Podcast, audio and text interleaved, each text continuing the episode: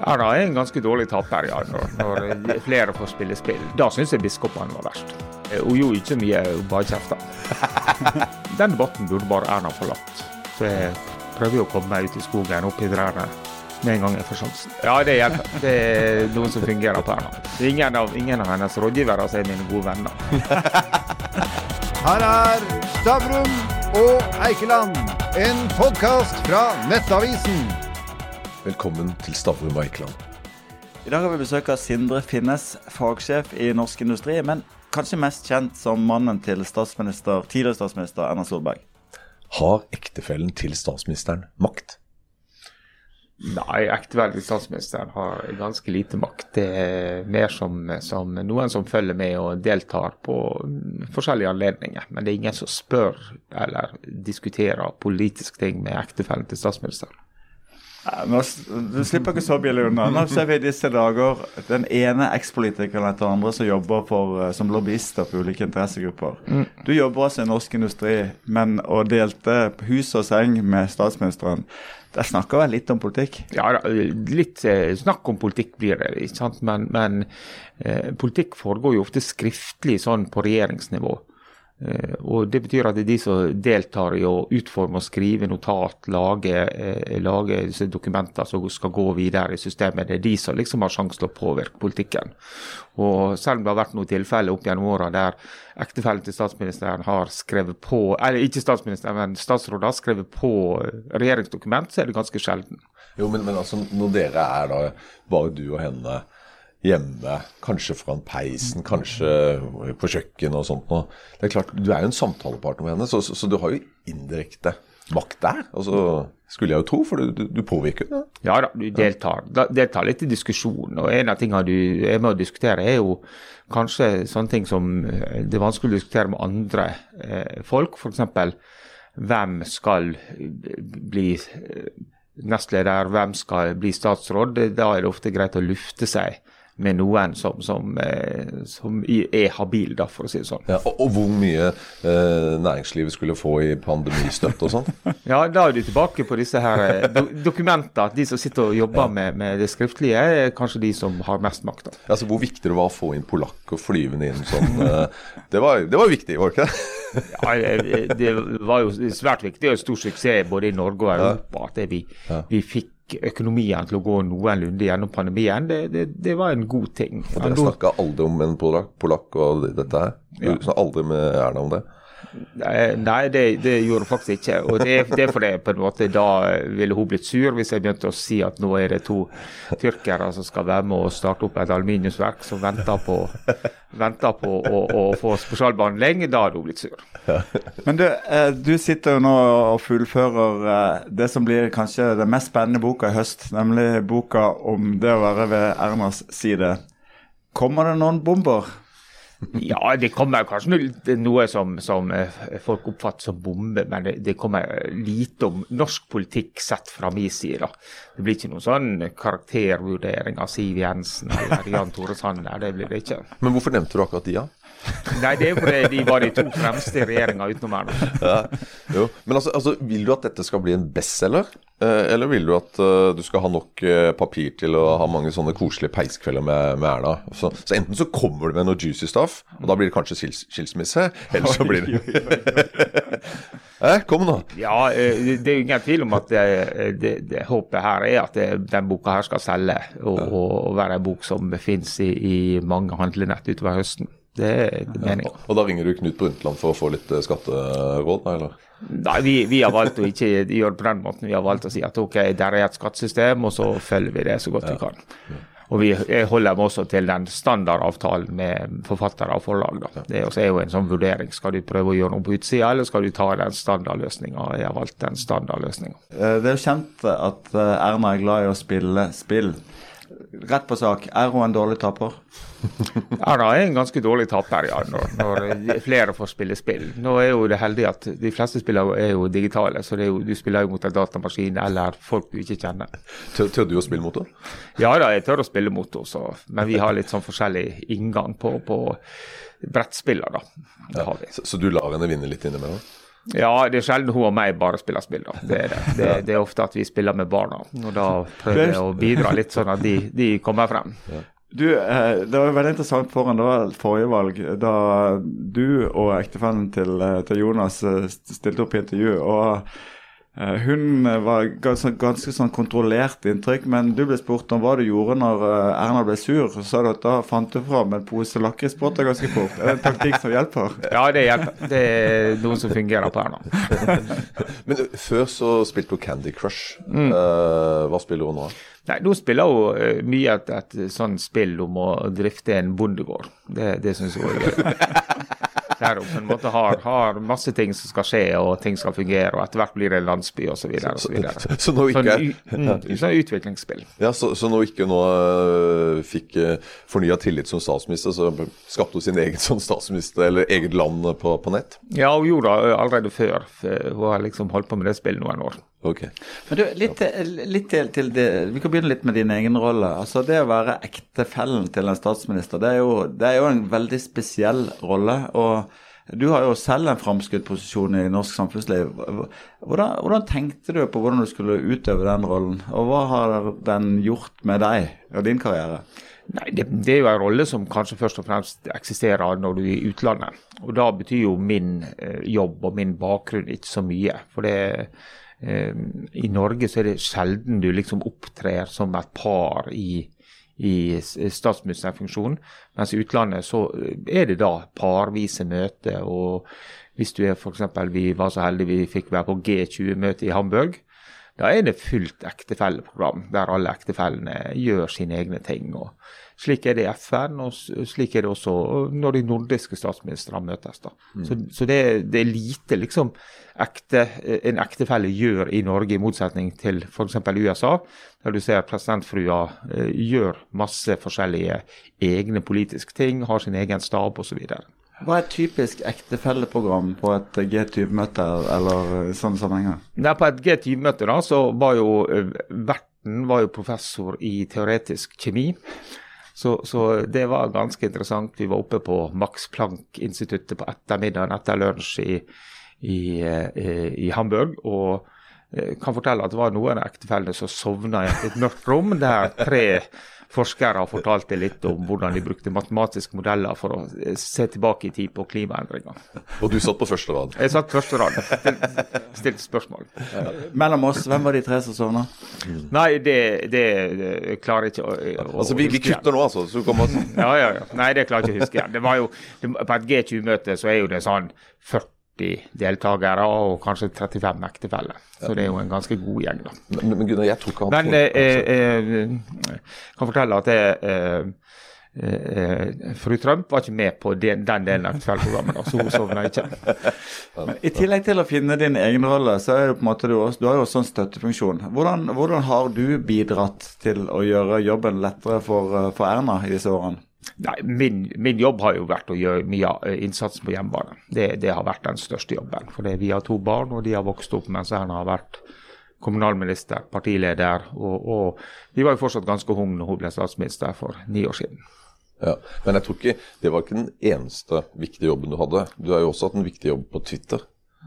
Ja da, på Twitter har jeg deltatt så godt jeg kan. da. Og har mange følgere på Twitter. Det har jeg. Og så, det fikk jo en sånn brå start, for det, det var jo partilederdebatt, var det vel? Eller skoledebatt, var det vel? På, Skoledebatt på i, NRK. i valgkampen i 2013. Og da eh, mente du at eh, NRK kanskje burde eh, bytte ut programlederen, fordi at du mente at hun var veldig par partisk til Mm. den sittende regjeringa og, og, og Halvorsen. Stemmer det? Mm. Ja, det da, stemmer. da ble Erna sint. Ja. Altså, nå må du si, altså, hvor sint ble hun? Nei, da ble Erna så sint som omtrent kan være. Så det var liksom styrketid styrke ti i sinnet. Hva, hva, hva gjorde hun? Nei, eh, eh, hun gjorde ikke mye, hun bare kjefta. Var det høyt? Det var eh, høyt lydnivå. Det var det. Men da måtte du unnskylde. Ja. Men hva, var det så, hva ble hun sint for? Hvorfor ble hun sint? Hun ble sint for at jeg la meg inn i hennes jobb. Det var liksom det som gjorde at hun ble sint. Hun mener at det skulle ikke jeg gjøre. Og du styrker jo ikke hennes autoritet ved å være på en måte hennes sinte ektefelle. Nei, det, det gjorde ikke. Så, så det er liksom sånn som vi har lært. eh, At det, du, du må, når du er i ekteskap, så må du liksom finne hvor langt inn i den andre sin jobb kan du gå også, og, og motsatt. da. Og da gikk jeg for langt inn i hennes jobb. Det skulle jeg ikke gjort. Ja. Men rådgiverne, har du et godt forhold til det? Altså hennes rådgiver? Ikke et spesielt godt forhold, nei. Nei. Det, det har jeg ikke. Ingen av, ingen av hennes rådgivere altså, er mine gode venner. Men uh, vi må ta andre høydepunkt fra Ja. sosiale medier, nemlig denne, den famøse sushimiddagen på, eh, på Geilo og, Ja. og hele pandemireglene. Var det en tabbe? Ja, det var jo en tabbe, for der, der huska ikke vi reglene og at det var en nasjonal regel med, med ti personer som skulle samles et sted. Det var ingen av oss som tenkte på. Nei. Men dere var begge som bestilte, da? Eller?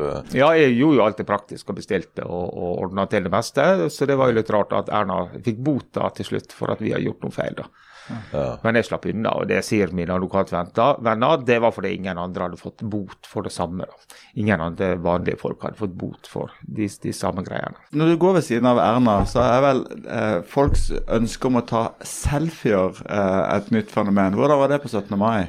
Nei, På 17. mai så var det ganske enormt. da. Vi var i Bergen, og, og det var mange hundre selfier som ble tatt i løpet av dagen med Erna. da. Og Folk er frimodige. De kommer bort og, og, og spør om de kan ta et bilde. Hvor, ma Og hvor mange var det? Nei, jeg tror det kan være over 400. 400 i selfier? Ja. Fikk noen selfie med deg?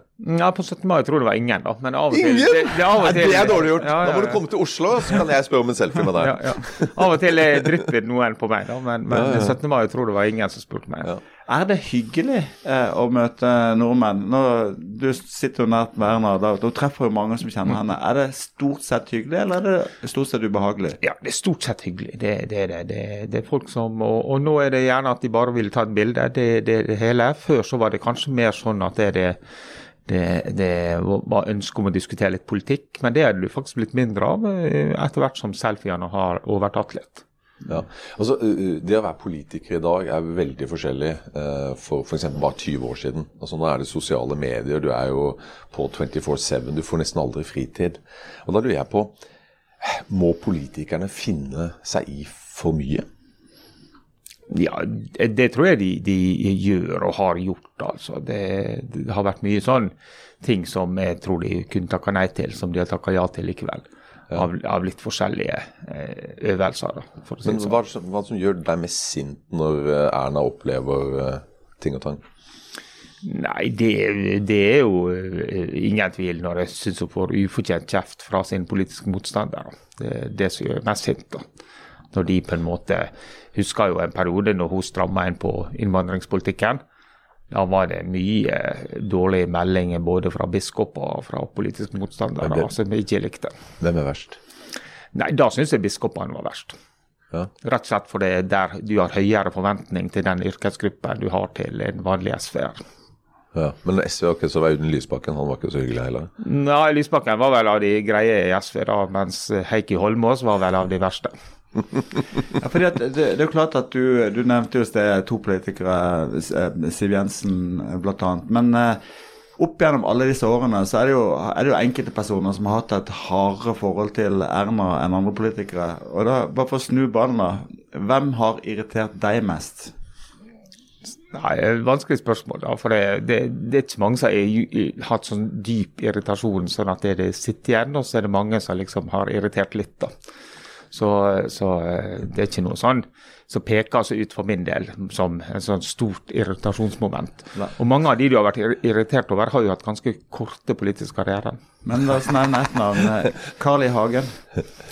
Ja, Carl I. Hagen er jo på en måte irriterende som en som aldri vil gi seg en politikk. Det er vel det mest irriterende med han. Men, men han har jo aldri irritert Erna noe sånn voldsomt. Når det da er eh, eh, valgdebatt, f.eks., eh, der du kasta deg over Twitter den gangen. Eh, hvordan foregår det? Du sitter hjemme og ser i stua og sitter og hisser deg skikkelig opp?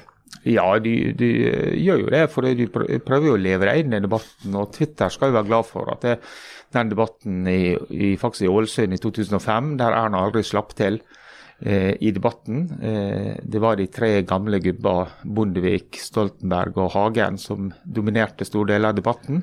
Da tror jeg folk skal være glad for at Twitter ikke var til stede. Og den, den, den debatten burde bare Erna forlatt Og så sagt til programlederen at hvis du vil sitte her og diskutere med tre gamle gubber, så behøver ikke hun å være med i debatten. Så, så ditt råd til henne ville vært at hun burde, burde reise og gått med den meldingen? Ja, for den debatten i 2005 så tror jeg det hadde skapt eh, mest oppmerksomhet. Istedenfor, ved at hun satt her og hørte på, så ble hun skjelt ut i media dagen etter for å ha gjort en dårlig debatt. Men du skriver jo i, den, i de Twitter-meldingene så, så insinuerer du at det på en måte ikke bare er en tilfeldighet, det er faktisk en slags bevisst politisk handling fra reporternes del. Eh, var det i, i et, i, i, akkurat i øyeblikkets sinne, eller er det noe du tenker faktisk ofte?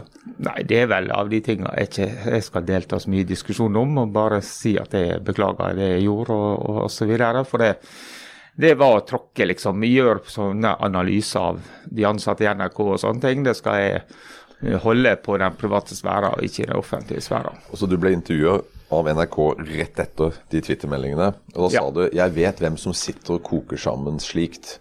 Det tror jeg alle vet, så det slipper jeg å, å si. Men jeg er ikke sikker på at vi alle vet det.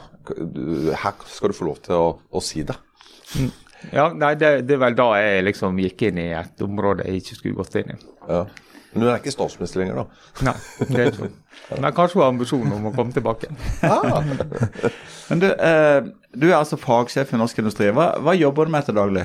Ja. Jeg jobber jo med, med mye oppdatering av den informasjonen norsk industri bruker i, i vårt arbeid for å påvirke samfunnet. Og så er det selvsagt masse service til medlemsbedriftene våre som, som trenger hjelp til litt forskjellige spørsmål. Og det er stort sett det arbeidsdagene går med til. Så du leverer materiale til lobbyistene? Ja, på en måte så gjør det det. Så nå skal jeg tilbake på kontoret nå i formiddag, og så skal vi jobbe med en tekst som skal senere i dag sendes til finanskomiteen og gi vårt syn på, på hvordan revidert budsjett påvirker eh, næringslivet, og hva som kan gjøres for å forbedre det. Hva syns du om den sittende regjerings eh, når det gjelder energi og, og elektrisitetspriser? Nei, det det er jo eh, et langt lerret å bleke, for det har jo på en måte utvikla seg over tid at vi har fått for høyt kraftforbruk i, i Sør-Norge mot at vi har for dårlig for lav kraftproduksjon i Sør-Norge. Og så Det som overrasker meg og, og mange, det er jo at fagmyndighetene på energi ikke i større grad har fortalt om den flaskehalsen de har over Sognefjorden, der de ikke får utveksla eh, kraft til, fra et overskuddsområde i nord til et underskuddsområde i sør. Og Det gjør at prisen i, i sør er ti ganger så høy. Og, og Den flaskehalsen er 70 km lang. Og jeg syns det er oppsiktsvekkende at det, eh, myndighetene på energispørsmål ikke har fortalt om den flaskehalsen til norske myndigheter, eller til norske politikere tidligere. Bør vi selge energi til høystbydende i utlandet når prisene blir så høye i Norge? Nei, Vi må jo være kyniske og, og vurdere vår egen forsyningssituasjon knytta til hva vi kan selge ut av landet og hva vi får kjøpe inn. Og Vi ser jo på svenskegrensa, der har vi fått lov å selge ganske fritt inn til Sverige, mens svenskene har vært forsiktige med å selge ting tilbake til oss, kraft tilbake til oss, når, når eh, vi har hatt behov for det i Sør-Norge. Er du fornøyd med, med arbeidet som gjøres for å lage ny energi i Norge? Nei, jeg syns vi burde klart å, å produsere mer energi, sette opp flere eh, solanlegg på takene på bygg. eh, Smelte opp flere vindmøller. Vindmøller er en god ting for grunneiere. De betaler mye royalty for å ha en vindmølle stående. Så det god, hadde vært god økonomi for norske grunneiere og bra for norsk kraftmarked. Sa du dette til Erna? Det sier jeg til Erna. Men uh, snakket du med om formuesskatten her Erna? Formuesskatten snakker vi også om. Det gjør vi. Det er en, en, det et vanskelig spørsmål som eh, trenger mye diskusjon. Ja. Men uh, privat, altså når ikke du er sammen med Erna, ikke er på norsk industri, hva gjør du da?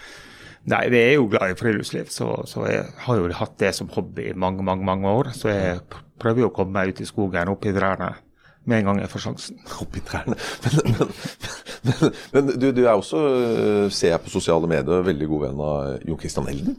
Ja, jeg er en av mine gode venner. Ja, så du er ikke bare ute i friluft, du er også skåler en god del med han i hans mancave. Uh, uh, ja, ja, vi, vi prøver å sitte på uteservering da, når vi får sjansen vet du. Ja, så hyggelig. hyggelig. Så det var ikke noe tvil om at du skulle ha Elden som, som forsvarer når du ble tatt for denne selfies-kanalen?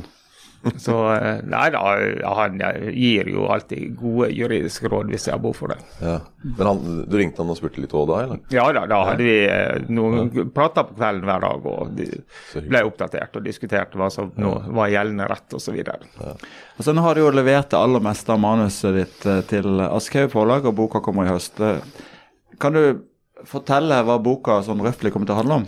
Ja, eh, på en måte så kommer boka til å handle om en sånn tilbakemelding til skattebetalerne. Hva er det som skjer der ute? Hva gjør vi når vi reiser til Washington med norske flagg? Og, og eh, hva skjer når vi møtes i Norden og diskuterer de ulike spørsmålene?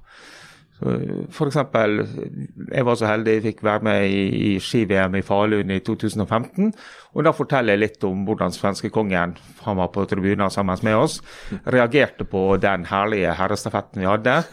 Der vår mann falt litt av på andre etappe. Svenskene tok oss igjen, gikk i tet. Da var svenskekongen ganske fornøyd. og så kom vi tilbake på tredje etappe, og så ble det spurt, spurtduell med Northug. Så det var en, et høydepunkt som jeg tenkte jeg må rapportere tilbake om. Og da sto du bare og lo?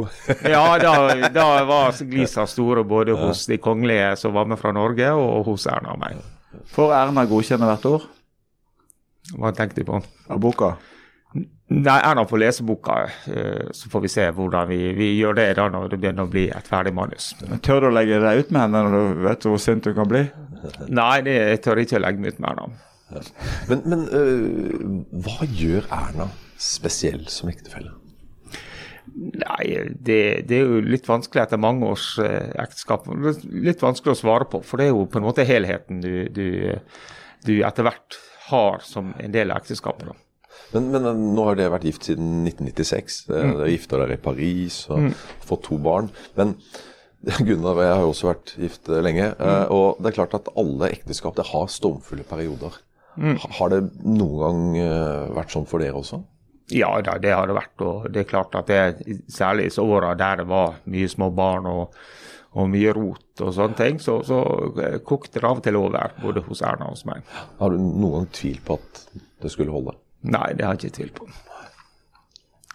Dere er jo uh, kjent for uh, interiøret i, i heimen. Uh, dere bruker lite sånn Bonytt, Bonytt-konsulenter i, i hjemmeinnredningen. Men Og dere rydder ikke alltid like godt før fotografene kommer inn. Er det bevisst, eller er det at de ikke har tid, eller er det ikke så nøye? Nei, det var, det var ubevisst. Men det, jeg tar jo meg bry med å fortelle hele historien fra det bildet som kom i Dagbladet i, i eh, 2013. Da. Der, eh, ja, Huset vårt er jo et hus som vi kjøpte som var tomt når vi kjøpte det. Og så har vi gradvis fylt det opp uten å ha hatt noen sånn stor masterplan på hvordan det skal se ut. Og så hadde vi en situasjon da der eh, barna hadde vært alene i Bergen i, i ei uke og, og, og ikke rydda så fint. Og så kom Erna og meg over, og så bestemte meg for å først å rydde opp i hagen, for å ha oppholdsvær. Det var jo ganske høyt gress utenfor også. Tenkte at var, når folk kommer på besøk, så er det best å få orden på det. Og så hadde Erna sluppet løs Dagbladet sin fotograf innendørs før jeg hadde kommet meg inn og fått begynt å rydde der. da. Ok, Men, men um, bare sånn, uh, vi begynner jo å nærme oss uh, litt slutten nå, men altså vi har hatt 34 mannlige uh, statsministre siden 1873. Uh, det er blitt én ektefellebok. Så vi har hatt to kvinnelige, uh, og nå blir, blir det da to ektefellebøker. Altså, hva skyldes det? Nei, det skyldes først og fremst lengden på statsministerperiodene. At eh, Gro satt jo i svært, svært mange år, over ti år, og hadde, hun hadde mye å fortelle, og hennes mann hadde mye å fortelle, og sånn er det med Erna og meg. Jo, Einar Gerhardsen satt jo litt, han også. Ja, det gjorde han, Altså, det er jo, så det er der- som Og der tror jeg alle savna ei bok. At noen kunne fortelle hva som skjedde på innsida i det Gerhardsen-regimet. Det tror jeg alle norske historikere har satt stor pris på. Tror du Erna får åtte nye år som statsminister? Nei, det tror jeg ikke. Du fikk Stavrum og Eikeland, en podkast fra Nettavisen.